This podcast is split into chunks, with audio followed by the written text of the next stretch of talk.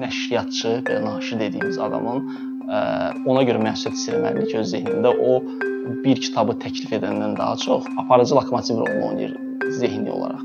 Yəni ki, o bir fikri e, birinci çatdırır e, başqa dildə oxucuya və oxucu e, onunla ilk olaraq tanış olur və zehnində bunun artıq anlayışları və sütunları formalaşdırmağa başlayır.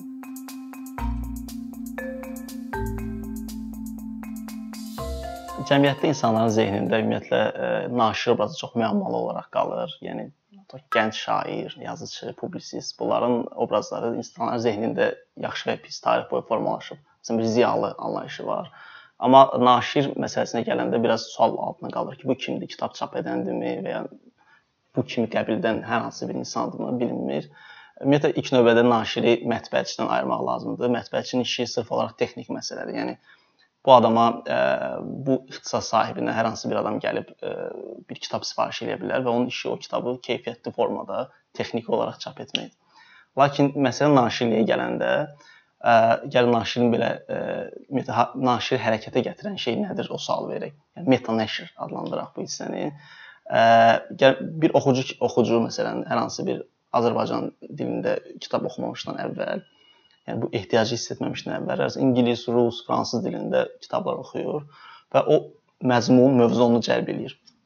Sonra bunun bu barədə bir dərdi yaranır və yaxud bu barədə bir ə, qayğısı yaranır və o onun ətrafında olan, onun ə, onunla bağlı olan bütün kitabları oxumaq ehtiyacı hiss edir. Oxuyandan sonra bu ə, bu məzmun, yəni bu məzmun onu məcbur edir ki, o ə, Azərbaycan dilində də bu tipli kitabların çıxmasını ehtiyac hiss eləsin. Bu müxtəlif sahələrdə ola bilər. Bu filosofun kitabı ola bilər, klassik və yaxud texniki sahədə biologiyanın və ya fizikanın kitabı ola bilər. Yaxud ümumiyyətlə lüğət ola bilər. Azərbaycanda lüğət ehtiyacı var və o Azərbaycan dilində onu çap etmək istəyir. Yəni tərcümə edəcəyi dildə çap etmək istəyir. Və tərcümə etmək hissi bu halqanın, ümumiyyətlə bu dairənin ən sonunda yer alır. Biz adətən naşirlər olaraq tutaq ki, müəyyən naşirlər düşünürlər ki, tutaq ki, ən yaxşı bestseller 100 kitab çıxarılır və o 100 kitabın içində hə bunu, bunu, bunu tərcümə etmək olar. Lakin burada funksionallıq və sənin etik tərəfi və dürüstlüyü tamamilə sual altında qalır. Ə, məsələn mən düşünürəm ki, naşir naşir ümumiyyətlə ən çox oxuyan ə, qism olmalıdır. Əgər belə naşir çoxlu böyük məna yüklədiyimi deyirsinizsə, bu qətiyyən elə deyil. Çünki məsələn Renessans dövrünü götürsək və yaxud digər aydınlama dövrünü götürsək, orada naşirlər tərcümə etdiyi dildə bir düşüncə, fikir yaradırdılar və başqa cür ola, ola bilməz. Bunu indi əsaslandırmağa çalışacağam nə formada. Demək ki, bir naşir bir kitabı çap etməmişdən əvvəl buna bununla bağlı yəni tezisimiz budur ki, o dürüst və funksional olmalıdır. Lakin bu dürüstlük anlayışı biraz belə Joker kəlmə kimi e, görünür. Yəni altı biraz boş kəlmə kimi görsən, görsənir. Ona görə də dürüstlüyü belə əsaslandırmağa çalışıram. E, konkret Azərbaycanda çıxan misallarla. E, birinci misal məsələn ola bilər ki, Azərbaycanda Otto Weiningerin kitabı çıxıb 2 il qabaq. Cins və xarakter deyilən bir kitab. Təsəvvür edək ki, bu naşir, yəni bunun arxa planını təsəvvür eləyək. Bu naşir bu kitabın ə, xarici dildə oxuyur və hesab edir ki, bu Azərbaycan dilində tərcümə olunmalıdır. Burada niyyət yaxşıdır və həqiqətən də bu kitabın Azərbaycanca çıxmağı mühümdür. Amma ə, orada olan terminoloji məsələlər və yaxud nə bilim uşaqbazlıq, nə bilim lezbiyanka kimi ifadələr ə, çox absurd görsənir və məlum olur ki, o ümumiyyətlə bu sahənin adamı deyil, hər hansı bir ədəbiyyat tərcüməsidir, sifarişlə bunu tərcümə edib və nəticədə Azərbaycan dilində belə absurd bir tərcümə ortalığa çıxır. Yəni mən indi də hesab edirəm ki, Otto Weiningerin kitabı çox vacibdir Azərbaycan dilindən, amma ki onun ə, burada terminoloji problemi, yəni ki, bir texniki problemi texnik problemi ortalığa çıxır. Məsələn biz Rusiyada görürük ki, məsələn Kierkegoru tərcümə edən hər hansı bir tərcüməçi yalnız Kierkegoru tərcümə edir və o ətrafda olan ixtisas disiplinləri tərcümə etməyə başlayır. Bu elə belə deyil, çünki bu ə, müəyyən disiplin xəttlər var ki, insan o sahədə formalaşır və ə, təbii olaraq yalnız o sahəni tərcümə etməyi özünə rəva bilir, belə deyək. İkinci misal odur ki, məsələn, ə, Azərbaycanda şəkərli diabetdən əziyyət çəkən insanlar üçün ə, bir kitab tərcümə olunur. Yəni bu ehtiyacdan irəli gəlir. Bu kitabın çıxması çox doğrudur, okeydir. Amma ə, orada kitabda yer alan bitkilər heç bir Azərbaycanda yetişmir və bir insan, bundan əziyyət çəkən insan bu kitabı oxuyarkən nə etməlidir? Yəni Azərbaycanda yetişməyən bir bitkinin ona heç bir faydası ola bilməz. Ona görə də burada naşir Azərbaycan dilində tərcümə olunduqda bunun ən yaxşı, ən bestseller kitablarını deyil, Azərbaycanda yetişən və Azərbaycanda bir faydası olan ə, kitabın nəşrinlə məşğul olmalıdır. Bu daha dürüst olar. Üçüncü misal odur ki, məsələn, tutaq ki, bir klassik Wittgensteinin bir kitabı çap olmalıdır Azərbaycan dilində. Amma o kitabın çapından yəni çap olunmamış, onun şərhini tərcümə edir. Məsələn, bir İranlı müəllifin şərhi və ya rus müəllifin şərhi, türk fərqi eləməz. Burada da oxucunun müəyyən onsuz da belə immuniteti zəif olan Azərbaycan oxucusunun biraz belə zehnində bulanıqlıq yaranır. Yəni Wittgenstein özü olmadan onun şərhi var ortalıqda. Bunun səbəbini təxmin eləyirəm. Yəni ümumiyyətlə Azərbaycanda bütün naşirlərin ə, müstəqil və yarım müstəqil olduğunu varsayaraq, yəni ki, o adamlara müraciət edib deyirəm ki, əgər özləri seçirlərsə bu kitabları, bu kitabların içində tez tələsik ideoloji bir çaxnaşma hiss olunur. Yəni ki, belə 20-18 yaşında bir adamın ə, hələ çoxlu informasiyaları, kitabları həzm etmədən tez tələsik bir ideologiya seçməyi çox təbiidir. Yəni onun yaşına belə deyək, uyğun bir davranışdır. Amma bir naşir bunu edərkən bütünlüklə problemi anlamalıdır və o problemdə ən uyğun kitabların silsiləsini eləməlidir. Yəni Toki fəlsəfədirsə fəlsəfi giriş olmalıdır. Platonun Toki kitabları, Aristotelin sonra onlar üzərinə şərh olunmalıdır. Amma onun hər hansı bir ideologiyaya mənsub bir ə, müəllifdən şərhi ona oxşayır ki, məsələn, məsələn bir ölü bir ölü bir müəllifin dilindən istifadə eləyib ə, öz ideologiyavı belə propaganda edirsən, belə təbliğ edirsən. Bu da bir növ şey şey olur. Yəni çaşdırır. Oxucuda belə sağlam müqayisə yarada bilmir. Bir misal da var. Məsələn, çoxlu e, çox sayda tendensiya var Azərbaycanda. Bir kitabın orijinal dildə olmadan başqa bir adda çap olunması, belə daha ehtişamlı adlardan. Bu başqa ölkələrdə də bu təcrübə var, amma bu da yanlışdır. Çünki oxucu müəllifin ilk növbədə qoyduğu ada bir şeydir, yanlış yanaşmadır və oxucuda yenə də şey yaradır. Yəni orijinaldan, yəni e, ümumiyyətlə belə şey var. Tərcümə tərcüməçi daha çox ə, e, orijinal müəllifə sadiq qalmalıdır, onun terminologiyasına, ifadə etdiyi fikrə, mahiyyətə. Redaktor isə məsələnin oxucu tərəfinin müdafiəçisidir, belə vəkilidir. Yəni ki, okey, sən bunu olduğu kimi çatdırırsan tərcümədə, amma bunun oxucunun anlamaq məsələsi var. Amma redaktorun heç cür ixtiyar, ixtiyarı ixtiyarı yoxdur ki, və naşirin xüsusilə kitabın adı ilə bağlı ə, hər hansı bir dəyişiklik eləsin. Ümumiyyətlə mən hesab edirəm ki, bir naşir kitabı çıxarmamışdan əvvəl, yəni bu arxa plana hələ ki aiddir. Ə, zehnində ən yaxşı ədəbi tənqidçini, ən yaxşı elmi tənqidçini, redaktoru və ə, korrektor otuzdurmalıdır, yəni dizayn olaraq. Yəni zehnində tamaşaçı kimi onu görməlidir. Bizdə adətən belə ə, ə, kitabların tərcüməsində Azərbaycan oxucusu hələ nə olmalıdır kimi bir şey var, yəni ə, bir anlayış var. Ə, düşünürlər ki, məsələn, dizayn olaraq, yəni belə də olsa olar. Yəni, kitabın keyfiyyəti belə kağız vərəqəsində də olsa olar, belə qəzet vərəqində də olsa olar, amma bu qətiyyən elə deyil. Çünki kitab qalıcı bir şeydir. Yəni sosial şəbəkələrdə, bu bloqlardan fərqli olaraq kitab hər bir oxucunun evindədir və o qalıcıdır, fikir formalaşdırır, sonra onun üzərində nəsə yazılacaq bu davamlı bilik istehsalında ki, naşirin öncəliklə ə, e, etdiyi budur, bilik istehsal eləyir Azərbaycan dilində, düşüncə formalaşdırır və o formalaşdırdığı düşüncədə kitabın sonrakı oxucuları, daha hazırlıqlı oxucuları, daha belə təhsil almış oxucular onun dəyərini e, tərəzidə ölçə biləcəklər. Ən vacib məsələlərdən biri odur ki, oxucu e, bir kitabla yalnız naşirin seçdiyi kitabla ə, Azərbaycan dilində tanış olur ilk dəfə və ona görə də burada ön söz məsələləri var. Ümumiyyətlə və naşirin kitabı tərcümə edərkən o konteksti bilmək məsələsi var. Yəni bayaq verdiyim misal Otto Weiningerdə məsələn ə, oxucu o kitabla tanış olanda ümumiyyətlə o ilə ilk dəfə tanış olur Azərbaycan dilində və bu dil düşüncə məsələsi ki var. Yəni ə, sən bu, bu gedə bunu rus dilində və ingilis və fransız dilində oxuya bilər, amma ə, dil və düşüncə bir-birinə çox sıx bağlı olduğu üçün Azərbaycan dilində o ilə tanış olanda onu yeni bir informasiya kimi qəbul eləyir və bizdə belə ön söz yazmamaq kimi bir şey var, belə istək var. Məncə ön söz çox vacibdir kitablarda. Ə, bundan başqa məsələn ə, bir kitab Azərbaycan dilində tərcümə olunursa, onun tərcümə edən tərcüməçi ilk növbədə Azərbaycan dilini çox yaxşı bilməlidir və tərcümə etdiyi dilin terminologiyasını çox yaxşı bilməlidir. Bir başqa misal verim. Məsələn, nəşriyyatların öz fikrini danışmaq kimi bir problemi var. Yəni bir nəşriyyat götürür bütün kitabları, detektiv, nə bilim, çəhrayı kitab adlandırdığımız o motivasiya kitablarını elə adlandırıram, çəhrayı kitablar, o, o kitabları nəşr eləyir və digər digər digər hüquq kitabları eyni nəşriyyatda çıxır və bunun oxucu ümumiyyətlə belə ə, hər hansı bir nəşriyyatın xəttini müəyyən edə bilmir. Ona görə pərakəndə bu onsuz da bulanıq olan zehnini daha da bulandırır. Ə, jurnal isə heç bir nəşriyyatda demək olar çıxmır. Məsələn, jurnal digər kitabdan fərqli olaraq orada müxtəlif kontekstdə, yəni rakurslar var, baxışlar var və ə,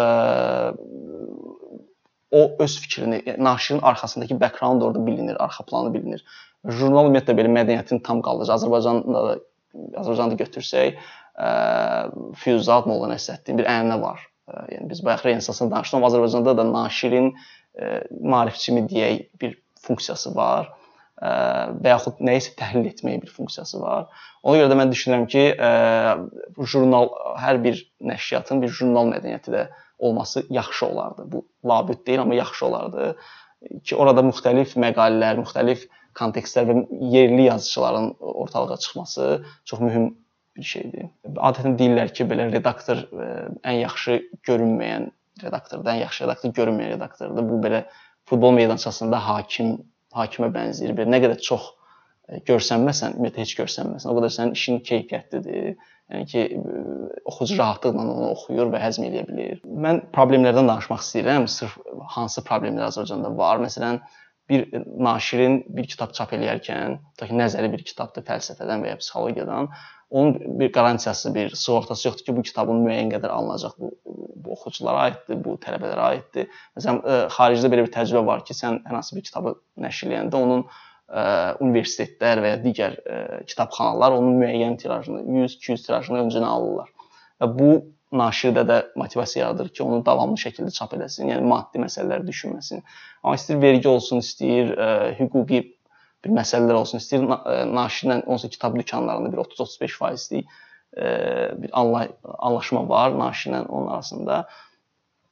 Məsələ burada yəni ki, motivasiyadan düşür müəyyən qədər e, naşir, amma yəqin ki, universitetlərdə də Azərbaycan dilli xüsusən də tələbələrdə bu, bu cür materialların oxutmamaları üçün, bu cür kitabları dərslik kimi verməmələri verməz verməməsi üçün vermədiyinə görə bu cür dəstəkləri vermədiyinə görə onlar bu cür kitablarda ehtiyac duymurlar və ortada bir qəribə problem yaranır.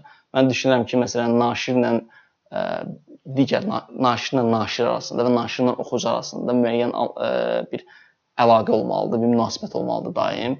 Məsələn, naşirlər ən azı düşünməlidirlər ki, konsensus olmalıdır ki, hər naşir müəyyən xətti götürsün. Məsələn, Rusiyada da bir 10 il əvvələ qədər pərakəndə kitablar çıxardırdı hər nəşriyyat və oxucu bilmirdi ki, tutaq ki, bu qaraj yayınlarından çıxıb ya bu apostaşıcı yayınından çıxıb, amma sonradan ə, onlarda da bir istiqamət oldu. Tutaq ki, utopiyaları bir nəşriyyat çıxartdı, fəlsəfəli bir nəşriyyat və bu ə, oxucuda müəyyən səliqə yaratdı zehnində.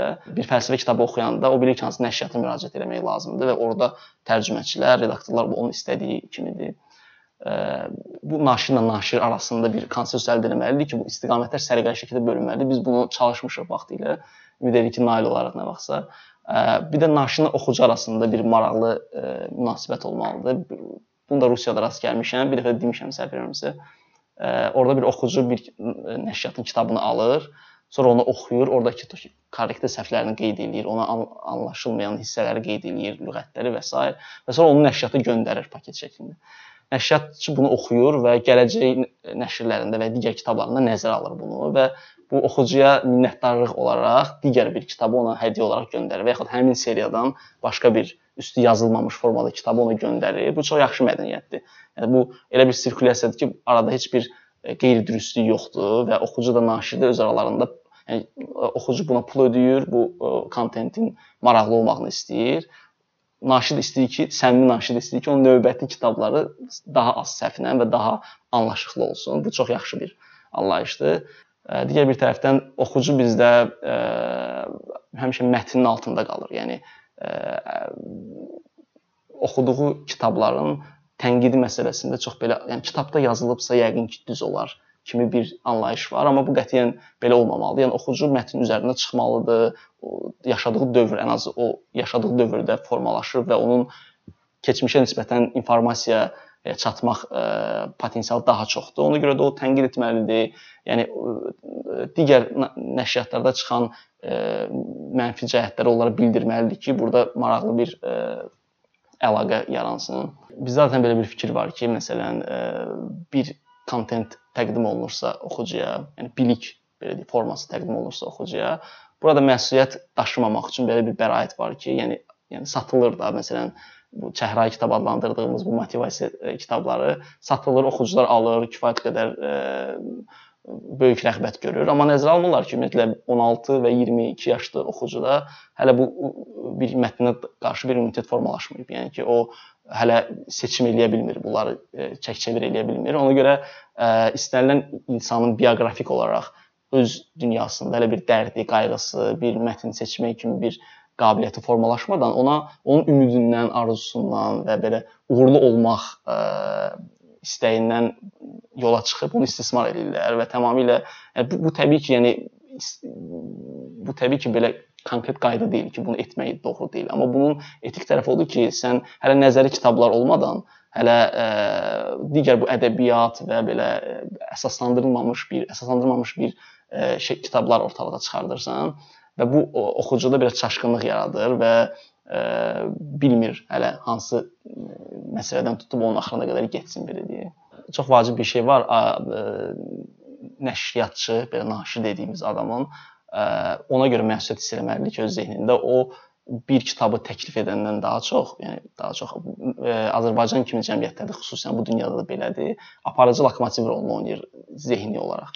Yəni ki, o bir fikri ə, birinci çatdırır başqa dildə oxucuya və oxucu e, onunla ilk olaraq tanış olur və zehnində bunun artıq anlayışları, belə sütunları formalaşdırmağa başlayır. Bu bir. Naşirin iki cür amalı ola bilər. Birinci məsələ e, o ümumiyyətlə müxtəlif formada kitabların, müxtəlif məzmunda kitabların nəşri ilə məşğul ola bilər və burada müqayisə yarana bilər oxucuda. Yəni çox fikirlilik, çox səslilik məsələsi burada oxucu üçün aktual ola bilər. Yəni o hər hansı bir Buddanın və ya nə bilim tutaq ki, Leninin kitabını çap eləyirsə, o demək deyil ki, naşirin özü buddaçıdır və ya solçudur. Bu o mənaya gəlmir. Sadəcə o oxucuda müxtəlif müqayisəli kitabların yaranması üçün bir töhfə verir və sonradan oxucu onu oxuyur və müqayisə yaranır zehnində.